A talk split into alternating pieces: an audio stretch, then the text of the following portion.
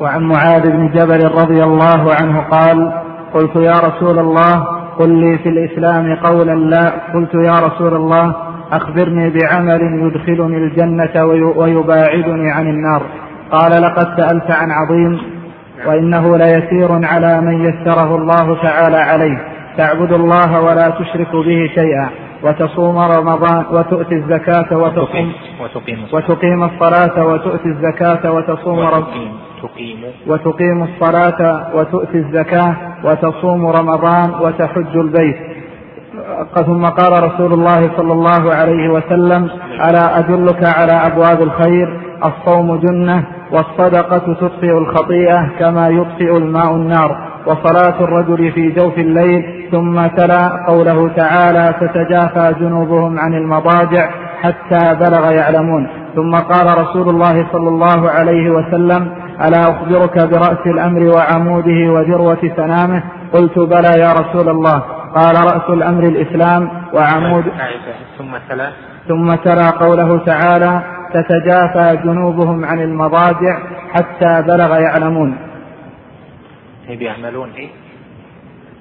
تتجافى جنوبهم عن المضاجع يدعون ربهم خوفا وطمعا ومما رزقناهم ينفقون فلا تعلم نفس ما أخفي لهم من قرة أعين جزاء بما كانوا يعملون. نعم. حتى بلغ يعملون. نعم. ثم قال ألا أخبرك برأس الأمر وعموده وذروة سنامه؟ قلت بلى يا رسول الله. قال رأس الأمر الإسلام وعموده الصلاة وذروة سنامه الجهاد في سبيل الله. ثم قال ألا أخبرك بملاك ذلك كله؟ قلت بلى يا رسول الله. فأخذ بلسانه وقال كف عليك هذا. قلت يا نبي الله وإنا لمؤاخذون بما نتكلم به. قال ثكلتك أمك يا معاذ وهل يكب الناس في النار على وجوههم؟ أو قال على مناخرهم إلا حصائد ألسنتهم؟ رواه الترمذي وقال حديث حسن صحيح. هذا الحديث فيه ذكر ذكر أشياء من أبواب الخير. و هو من الأحاديث العظيمة التي لكل جملة منها شاهد. لكل جملة منه شواهد كثيرة ولهذا هو حديث حسن بمجموع شواهده لجمله المختلفة. قال معاذ بن جبل رضي الله عنه قلت يا رسول الله أخبرني بعمل يدخلني الجنة ويباعدني عن النار. هذا فيه ما ينبغي التأدب به على ما ينبغي التأدب به لأهل العلم لأن معاذ بن جبل رحمه رضي الله عنه ورحمه من أعلم هذه الأمة بالحلال والحرام بل هو أعلم الأمة بالحلال والحرام. فهو من أهل العلم. وهذا يدل على أن طالب العلم ينبغي عليه أن يكون حريصا على ما يقربه من الجنة ويباعده عن النار. قال معاذ يا رسول الله أخبرني بعمل يدخلني الجنة ويباعدني عن النار. وهذا مما ينبغي لكل طالب علم أن يحرص عليه. ما يقربه إلى الجنة وما يباعده من النار لأن العلم له شهوة والعلم له عنفوان وقد يصرف صاحبه عن السعي في الغاية من العلم وهو ما يقرب من الجنة وما يباعد من النار. وقد قال عبد الله بن المبارك رحمه الله تعالى إن للعلم طغيانا كطغيان المال. فالعلم يطغي إذا لم يكن صاحبه يسعى فيما يقربه إلى الجنة ويباعده إلى النار. فالعلم له مقتضيات كثيرة وأصحاب العلم وأهل العلم وطلبة العلم ينبغي لهم أن يكونوا ألين الناس في غير تفريط وأن يكونوا أبصر الناس وأحق الناس بالحكمة والأخذ بما يقربهم إلى الله جل وعلا. فهم القدوة وهم البصراء بالعلم والعمل. لهذا سأل معاذ هذا السؤال وذلك من حكمة الله جل وعلا أن يسأل ليبصر أهل العلم جميعا بما ينبغي أن يكونوا عليه. قال أخبرني بعمل يدخلني الجنة ويباعدني عن النار. قال عليه الصلاة والسلام لقد سألت عن عظيم وإنه ليسير على من يسره الله تعالى عليه. هذا السؤال عظيم. ما يقرب إلى الجنة ويبعد عن النار. سؤال عظيم وهو شاق من حيث الامتثال لكنه يسير على من يسره الله عليه. فإذا نفهم من هذا أن ثم كلفه في أن يمتثل المرء بمقتضى العلم ولكنه يسير على من يسره الله عليه. والله جل وعلا إذا أقبل العبد يسر عليه الأمر كما قال جل وعلا فأما من أعطى واتقى وصدق بالحسنى فسنيسره لليسرى. تيسير الله جل وعلا فتيسير الله جل وعلا. أمور الخير للعبد هذا يكون بشيء يبذله العبد. أما من أعطى واتقى وصدق بالحسنى فسنيسره لليسرى. قال عليه الصلاة والسلام هنا وإنه ليسير على من يسره الله تعالى عليه. ثم فصل. فقال تعبد الله لا تشرك به شيئا. تعبد الله يعني أن تتوجه بجميع أنواع العبادات إلى الله جل وعلا وحده. فإذا دعوت دعوت الله وإذا سألت سألت الله وإذا صليت صليت لله وإذا استغثت استغثت بالله. وإذا أعظمت الرجاء أعظمته بالله. وكل العبادات القلبية واللسانية والعملية في الجوارح كلها تكون لله جل وعلا وحده ولا يكون لمخلوق فيها نصيب. قال فاعبدوا الله لا تشركوا به شيئا. يعني كبير الشرك وصغيره وخفيه لأن كلمة شيئا نكرة جاءت في سياق النفي فتعم كل ما كان في معناها فلا يشرك بأي شيء. لا يشرك بالهوى لا يشرك بالمخلوق البشر لا يشرك بالملائكة لا يشرك بعظيم لا يشرك بصالح لا يشرك بجني بإنسي بشجر بحجر بأي نوع مما خلق الله جل وعلا. وهذا لا شك أنه عظيم ولكنه يسير على من يسره الله عليه.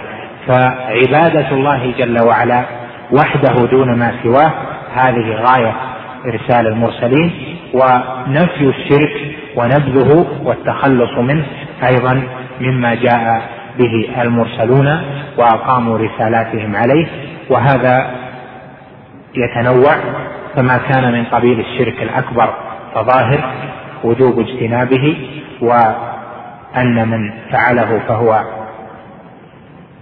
مشرك كافر تارك للدين مع اجتماع الشروط وانتفاء الموانع. وما هو أقل من ذلك الشرك الأصغر والخفي ينبغي على العبد أن يسعى في تجنبه يعني ينبغي وجوبا يجب عليه أن يسعى في تجنبه وأن يجاهد نفسه. والشرك الاصغر يدخل فيه الرياء يسير الرياء. والشرك الخفي أيضا يدخل فيه أشياء والشهوة الخفية والتسميع والمقاصد وأن يكون قصد المرء الدنيا فيما يأتي ويذر وفي الأمور الدين الدينية وطلب العلم وأشبه ذلك مما يراد لله. فاذا عبادة الله وحده لا شريك له هذا حاصل إن شاء الله عند الموحد لكن يخاف على الموحد من أنواع الشرك الأصغر والخفي مما يكون من يسير الرياء والتوجه لغير الله في ذلك. فهذه عظيمة فإن تنجو منها تنجو من ذي عظيمة وإني لا إخالك ناجية. يعني أن هذا الأمر شديد ويجب أن توطن نفسك على إخراج المخلوق من قلبك وأن يكون القلب خالصا لله متوجها لله في تحركه في سكناته في أمره في نهيه في تصرفك مع أهلك مع أقاربك مع الأمور العامة مع الأمور الخاصة. إذا كان كل شيء لله تم الإخلاص. قال وتقيم الصلاة وتؤتي الزكاة وتصوم رمضان. وتحج البيت وهذه الأربعة مر بيانها. ثم قال ألا أدلك على أبواب الخير؟ الصوم جنة والصدقة تطفئ الخطيئة. الصوم يريد به صوم النفل لأنه قدم صيام رمضان. ثم قال ألا أدلك على أبواب الخير؟ الصوم جنة.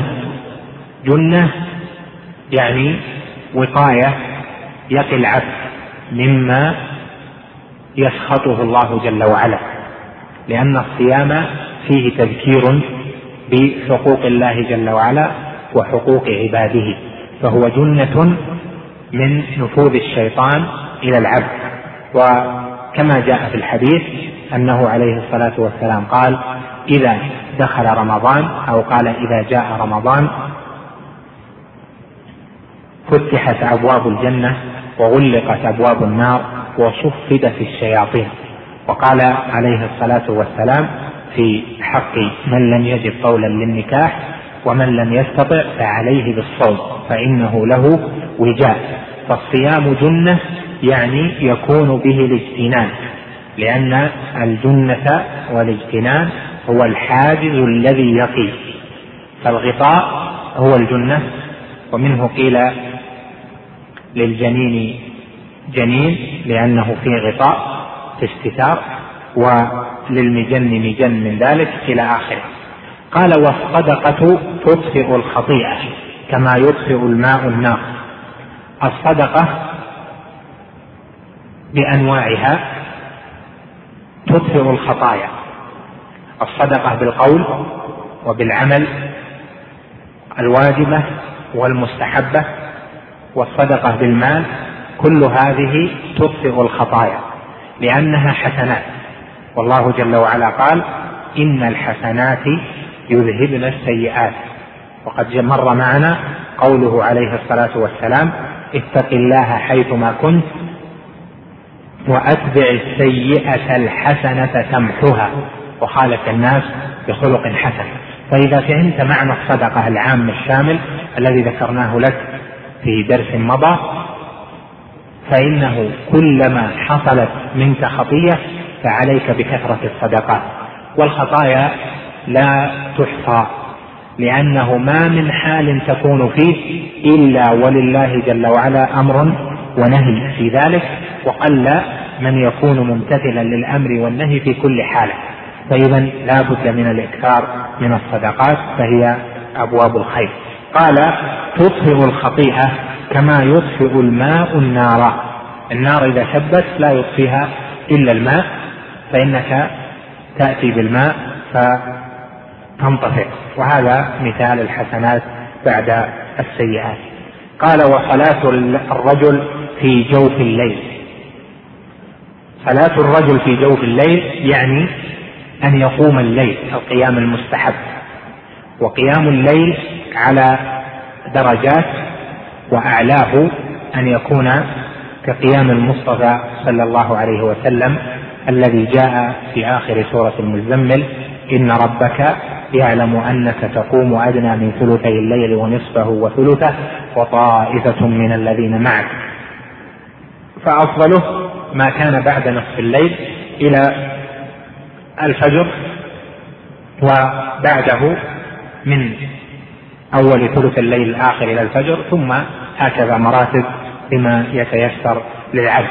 فصلاة الرجل في جوف الليل هذه من أعظم أبواب الخير وبها يحصل للمرء من النور في قلبه وحسن تعامله مع ربه وخشيته له والتنكب عن دار الدنيا والرغب في الآخرة ما لا يدخل تحت وصف أعاننا الله وإياكم على ذلك. فإن صلاة الرجل والمرأة في جوف الليل هذه يكون معها التدبر للقرآن وحسن مناجاة الله والدمعة التي تسبل من خشية الله جل وعلا إذ يكون المرء في ذلك على يقين من أنه إنما قام لله جل وعلا وحده. فتعظم الصلة ويعظم التعلق ويعظم إخبات القلب ويعظم الرجاء وتعظم الرهبة ويعظم الخوف ويؤثر القرآن في القلوب تأثيرا عظيما. فأصحاب الليل هم أهل التقوى. قال جل قال جل وعلا تتجافى جنوبهم عن المضاجع. يعني في وصف عباده المخبتين المنيبين في سورة ألف لام ميم السجدة تتجافى جنوبهم عن المضاجع يدعون ربهم خوفا وطمعا ومما رزقناهم ينفقون فلا تعلم نفس ما أخفي لهم من قرة أعين جزاء بما كانوا يعملون. وهذا من فضل الله جل وعلا عليهم. قال ثم قال ألا أخبرك برأس الأمر وعموده وذروة سنامه؟ قلت بلى يا رسول الله. قال رأس الأمر الإسلام. لأن الأمر الذي هو الدين رأسه الإسلام.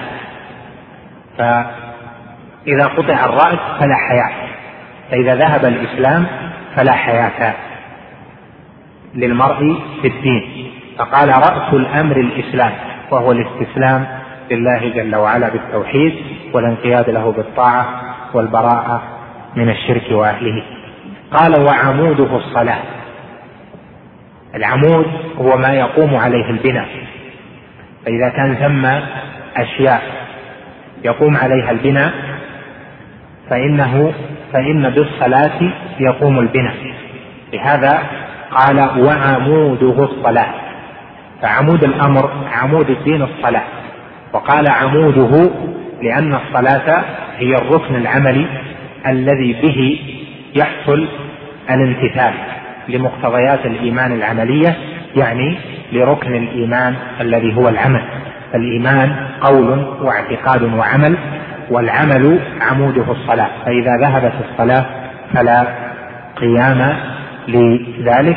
ولهذا قال عمر رضي الله عنه ولا حظ في الإسلام لمن ترك الصلاة وثبت عنه عليه الصلاة والسلام أنه قال العهد الذي بيننا وبينهم الصلاة فمن تركها فقد كفر قال عليه الصلاة والسلام بعد ذلك وذروة سنامه الجهاد. ذروة سنامه تشبيه للأمر بالجمل والجمل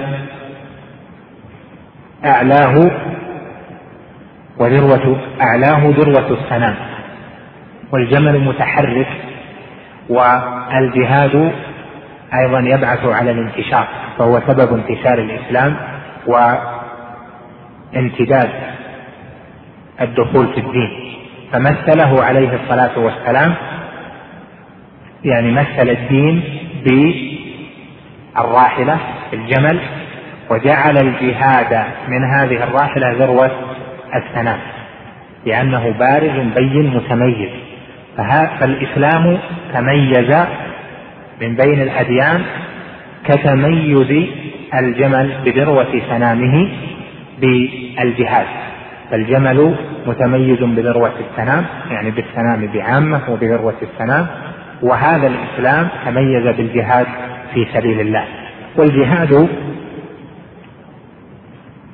أنواع والمراد به هنا الجهاد جهاد الأعداء وهو كما هو معلوم على مرتبتين. واجبة ومستحبة والواجب أيضا على قسمين واجب عين وواجب كفائي كما هو معلوم في مكانه من الفقه.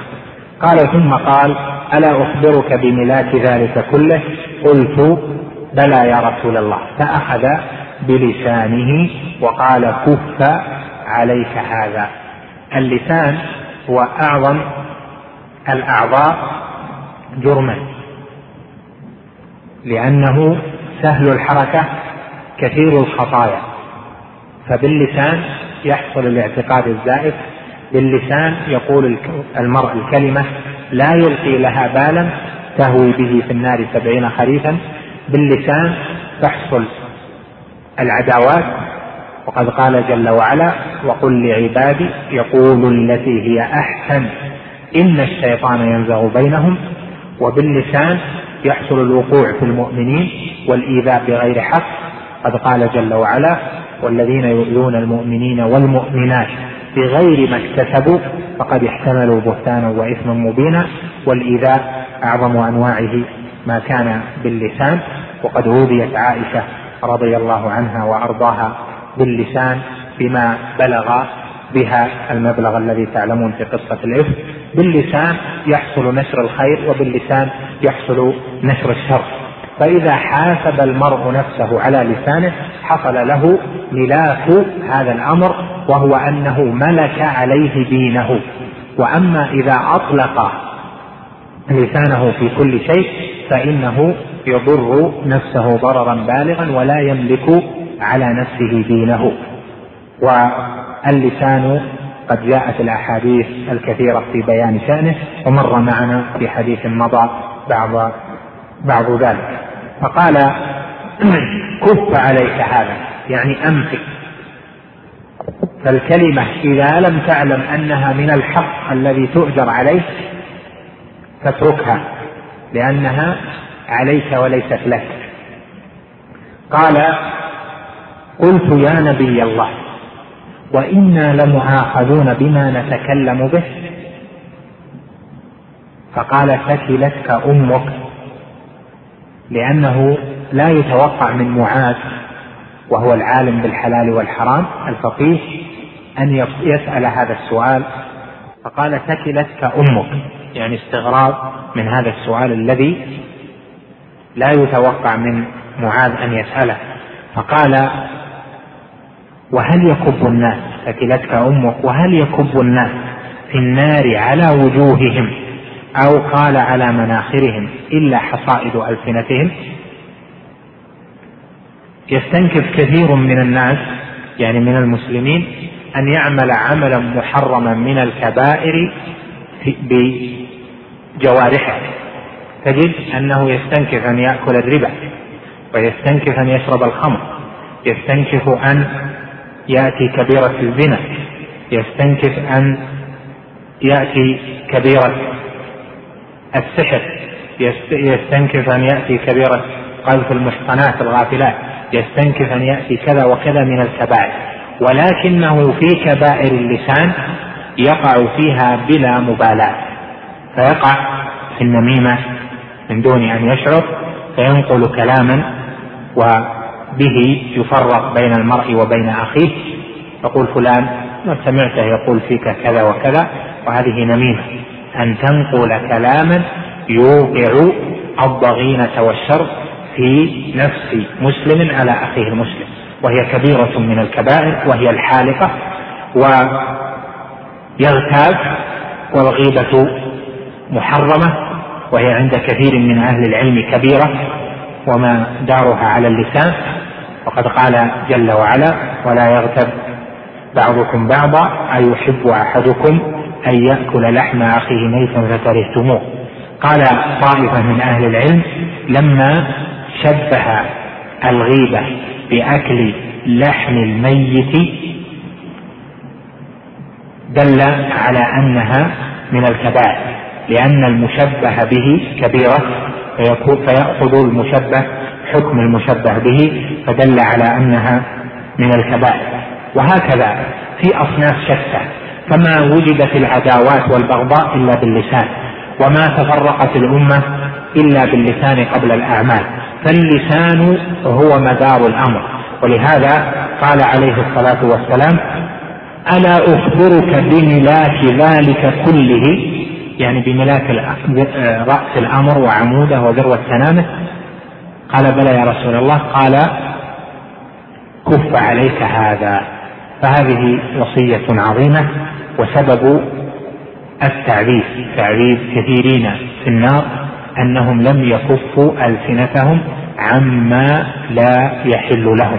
فلهذا علينا أن نحذر اللسان أعظم الحذر فنوصي بهذه الوصية التي أوصى بها المصطفى عليه الصلاة والسلام بقوله كف عليك هذا فأوصي نفسي وإياكم بأن نكف ألسنتنا إلا عن شيء علمنا حسنه. فإذا خاطبنا إخواننا فلنخاطبهم بالتي هي أحسن. وقل لعبادي يقول التي هي أحسن. أحسن ما تجد من اللفظ قله لوالدك لوالدتك لإخوانك لأخواتك لأهلك لإخوانك المؤمنين. لأنه بهذا تبعد مدخل الشيطان في التفريق ما بين أهل الإيمان. وما حصل ما حصل في تاريخ الإسلام وفي زمننا هذا من أمور منكرة إلا بسبب إطلاق اللسان فيما لا يعلم أنه من الحق وكل يتكلم بما شاء فحصل ما لم يحمد. نسأل الله جل وعلا أن يلزمني وإياكم ما فيه صلاحنا في قلوبنا وألسنتنا وجوارحنا. نعم.